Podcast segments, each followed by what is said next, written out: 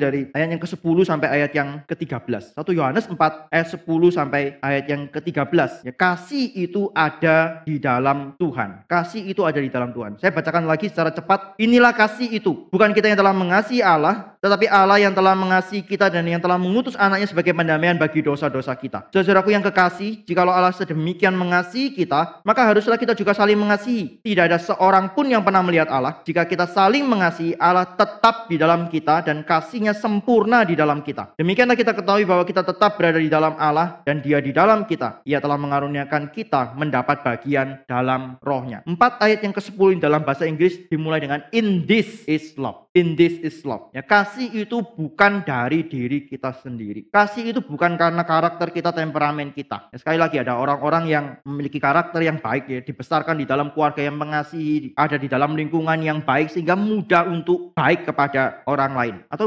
mungkin itu bagian dari temperamen kita. Tapi saya katakan tidak, itu bukan dari diri kita sendiri. Ya, manusia berdosa. Ya, tidak mungkin menghasilkan kasih. Hanya kalau kita di dalam Kristus. Maka empat ayat yang ke-9 bagian yang terakhir itu dikatakan supaya kita hidup olehnya. Di dalam bahasa Inggrisnya itu memakai melalui true. Supaya kita hidup oleh dia, melalui dia. Ketika kita hidup oleh dia, melalui dia, maka kasih itu juga di dalam dia, bukan oleh diri kita sendiri. Ya, kasih itu ada di dalam Tuhan. Kasih itu ada di dalam Allah. Dari ayat 11 sampai ayat yang ke-13, ya kita bisa katakan, kita bisa simpulkan bahwa manusia, orang berdosa, kita ini tidak tahu kasih, kecuali Allah menyatakan kasih itu kepada kita. Allah menyatakan kasih terlebih dahulu kepada kita melalui pendamaian di dalam Kristus. Dan kemudian orang yang diperdamaikan di dalam Kristus itu kemudian diberikan roh ya kita mendapat bagian di dalam roh Allah itu menjadi materai kasih Allah yang tidak akan gagal. Baru kemudian Allah di dalam kita kita di dalam Allah dan kita bisa mengasihi. Ini yang terjadi. Ya kasih itu ada di dalam Tuhan. Tuhan sumber kasih di luar Tuhan. Tidak ada kasih yang sejati. Kasih yang sejati itu hanya ada di dalam Tuhan. Maka kalau kita bisa mengasihi itu bukan berasal dari diri kita sendiri. Itu karena kita ada di dalam persekutuan dengan Allah. Ada di dalam persekutuan dengan Bapa dan anak. Maka maka Allah itu bekerja di dalam kita dan kemudian menghasilkan kasih. Ada ada hal yang menarik di dalam ayat yang ke-12. Di situ muncul satu kalimat, tidak ada seorang pun yang pernah melihat Allah. Tidak ada seorang pun yang pernah melihat Allah. Ini pernah muncul, pernah dikatakan oleh Yohanes di dalam Injil. Ya, mari kita melihat dua kali ini muncul di Injil Yohanes dan kemudian di satu Yohanes ini. Mari kita lihat di dalam Injil Yohanes, Yohanes 1 ayat yang ke-18. Tidak seorang pun yang pernah melihat Allah, tetapi anak tunggal Allah yang ada di pangkuan